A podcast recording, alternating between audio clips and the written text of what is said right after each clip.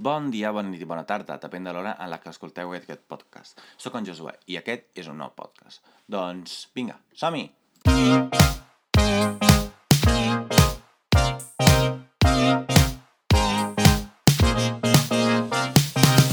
Molt bé, doncs el tema d'aquest podcast és un tema que em toca molt de prop. I no és el meu nòvio. Però us explico per què. Doncs, com bé sabeu, jo ja he explicat en algun podcast que eh, estudio traducció i interpretació a la Universitat Pompeu Fabra, però abans d'escollir la universitat, abans de triar-la, jo estava vivint a Itàlia i com bé sabreu, estava fent batxillerat allí i la, i la ESO allí i, i d'altres... Eh, bla, bla, bla, bla. Què passa? Doncs que avui us volia parlar de l'aprenentatge de llengües, com ho considero jo i quina perspectiva eh, en tinc. Doncs bé, comencem. Ara, eh, des de fa molt petit... Des que jo era molt petit, què passa? Que jo visc al Vèneto. Llavors, al Vèneto hi ha moltes persones... A Itàlia, millor. Comencem des d'aquí. A Itàlia hi ha una llengua oficial, que és l'italià, però després també hi ha altres llengües. Per exemple, hi ha una zona, si no ho sabíeu, a la zona al, cap a, a la Campània, al, a la, a, al sud d'Itàlia, on es parla albanès. Però per què? Perquè hi va haver molta immigració albanesa i llavors hi ha un dialecte que s'assembla molt a l'albanès. Però és una cosa que parlen la gent d'allà. Després, hi ha la regió del Trentino Alto Adige. La Trentino Alto Adige, el, la, eh, bàsicament, és una regió eh, com una comunitat autònoma, entre comilles, amb molta més autonomia que no pas la resta de les regions, perquè és una regió que tenia vincles històrics amb Alemanya. Amb Alemanya. I llavors què passa? Que allà, per exemple, parlen tant italià com alemany.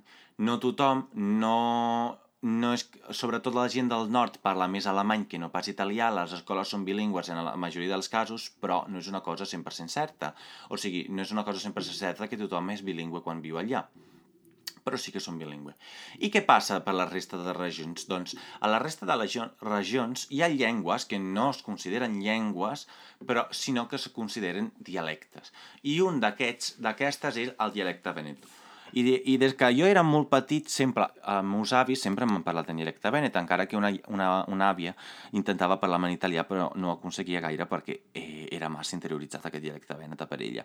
Però Sí que és cert que, bueno, doncs, el dialecte al, al Veneto, doncs jo el, jo el parlo sense cap problema, és un dialecte molt influenciat per l'italià, hi, hi ha moltes paraules que, com que no hi ha una escola, no hi ha cap neologisme que potser s'adapten per la pronúncia, però no s'adapten pas a, pels nous termes i es fan servir directament a calça de l'italià, però eh, és, una, és una llengua eh, pura i dura. I què passa amb una llengua pura i dura? Doncs que la gent la parla. No hi ha molta gent que la parli, hi ha molta gent que sí que eh, ho intenta, però eh, sobretot els joves s'ha creat aquesta influència en els últims anys que eh, l'entenen perquè mm, viuen al Veneto i llavors l'han sentit escoltar per tot arreu, però sí que no la parlen. Uh, aquest no és el meu cas perquè el meu, el meu avi, com m'explicava, o també els meus pares sempre m'han parlat en dialecte, encara que la llengua oficial d'Itàlia fos l'italià.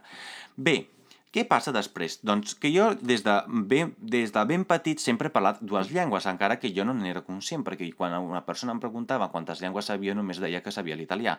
Perquè a Itàlia, com que no hi ha aquesta consideració que el, el Veneto és una llengua, o, la, o els altres dialectes italians són llengües, doncs només es parla una llengua. I jo deia que només parlava una llengua. Vaig començar a batxillerar, bueno, la vaig començar a la primària, després vaig passar a l'ESO, i llavors a primària vaig aprendre anglès, a l'ESO vaig aprendre anglès en francès, Després em vaig, em vaig avorrir molt de francès i vaig escollir batxillerat, però amb l'opció de castellà i alemany. I finalment vaig arribar aquí a la Pompeu Fabra i vaig seguir estudiant eh, alemany i, i anglès. Però a banda d'això estic fent la carrera en castellà o català, sobretot en català, i, i bé, i estic fent bueno, quatre llengües que no són pas les meves, però bé, crec que en sé una mica de català i de castellà per poder aprovar els exàmens fins ara. I bé, què passa amb això? Doncs que quan jo vaig començar a aprendre llengües, l'objectiu primari que tenia era parlar-la com si fos natiu. O sigui, a mi saber una llengua per saber quatre coses, com diuen els americans, que Yes, I speak Spanish. ¿Cómo te llamas? Por favor, one burrito. I mean, mm, em sembla molt bé, i, i això no us ho estic pas dient uh, per fotre'm dels americans, sinó perquè ho, ho he viscut a primera mà, doncs uh, jo una cosa que sempre he volgut és parlar la llengua com si fos... Uh, com si hagués nascut en el lloc o, mm, o, on, on, on són els nadius que parlen aquesta llengua. I bé, doncs estava parlant amb un amic meu i estàvem xerrant sobre el tema de, sobre el fet que a la Universitat Pompeu Fabra hi ha dos grups de diferents nivells de, per exemple, alemany, i llavors deien que, clar, nosaltres som del grup avançat i, i, i traiem notes mitjanes, en canvi, la gent que feia el, el grup, eh, feia classe en el grup eh, bàsic, doncs traiem molt bones notes i això eh, ens fotia de ràbia perquè dèiem com és possible que ells tenim menys nivells que nosaltres estan traient molt bones notes i a final de la carrera doncs tindran la mateixa qualificació que nosaltres.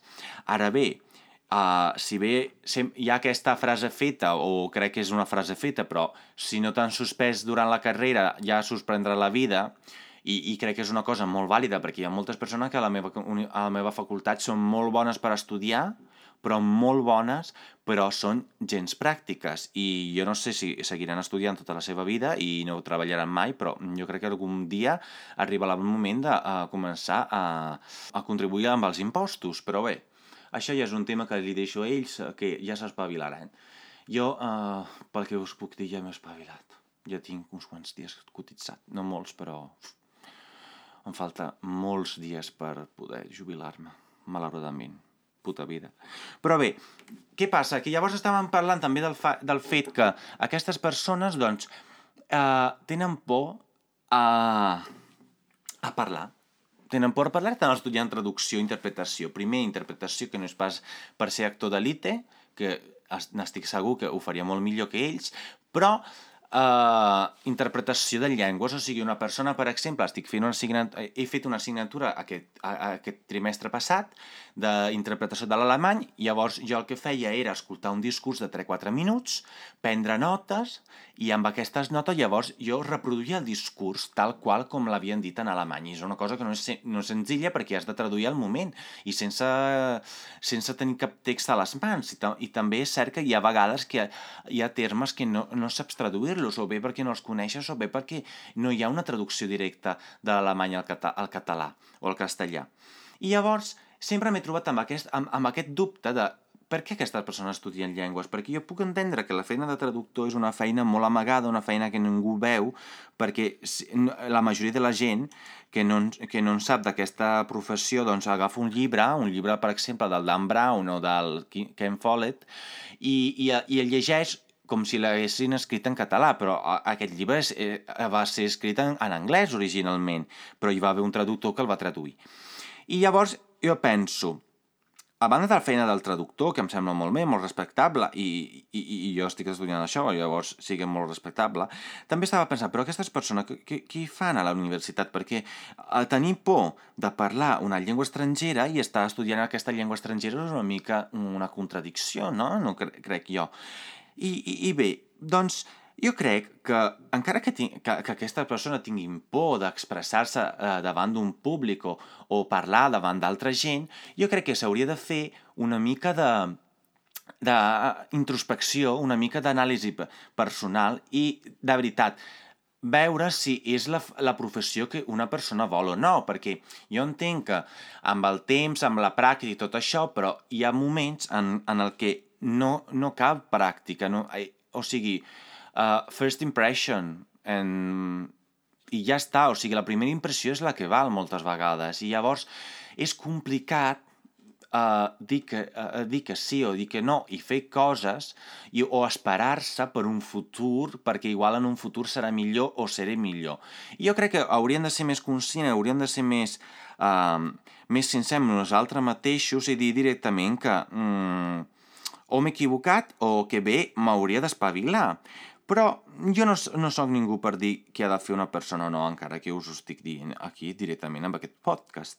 Però, bé, uh, crec que la, el, el que us volia dir és, si bé no teniu el mateix objectiu que jo, tant si sou estudiants com si heu acabat la carrera, com si uh, la voleu fer en un futur, uh, hauríem de ser uh, una mica uh, sincers. Sí, ho torno a repetir, una mica sincer amb nosaltres mateixos i, i de veritat, posar-nos davant d'un mirall i dir-nos ho puc fer, ho sé fer i fer-ho perquè no cal que sigui davant de 500 persones, només cal que siguin 4 o 5 amics, o bé cal que sigui la família. I encara que sigui una xorrada, o sigui una, una bajanada que hem de dir davant d'ells, però almenys per començar a practicar, per tenir una mica d'aquella fluidesa i per, i per dir, mira, ho he, ho he sabut fer o no he sabut fer, com estic fent jo, per exemple, gravant-me per, per alguna assignatura en vídeo i després mirar el que, el que estic fent i, i corregint-me, doncs hauríem de ser una mica més pràctics en la vida. Doncs fins aquí el podcast d'avui. I si teniu algun dubte sobre les assignatures, sobre què estudiar, sobre que... No, no em demaneu, perquè tinc una mica de remordiment amb aquesta carrera. No tant pel fet de la carrera, perquè la carrera m'encanta i la tornaria a escollir sense cap mena de dubte, sinó per remordiment eh, perquè estic encara estudiant i llavors no podria jutjar amb massa seny. Doncs espero que tingueu una molt bona setmana. Adeu!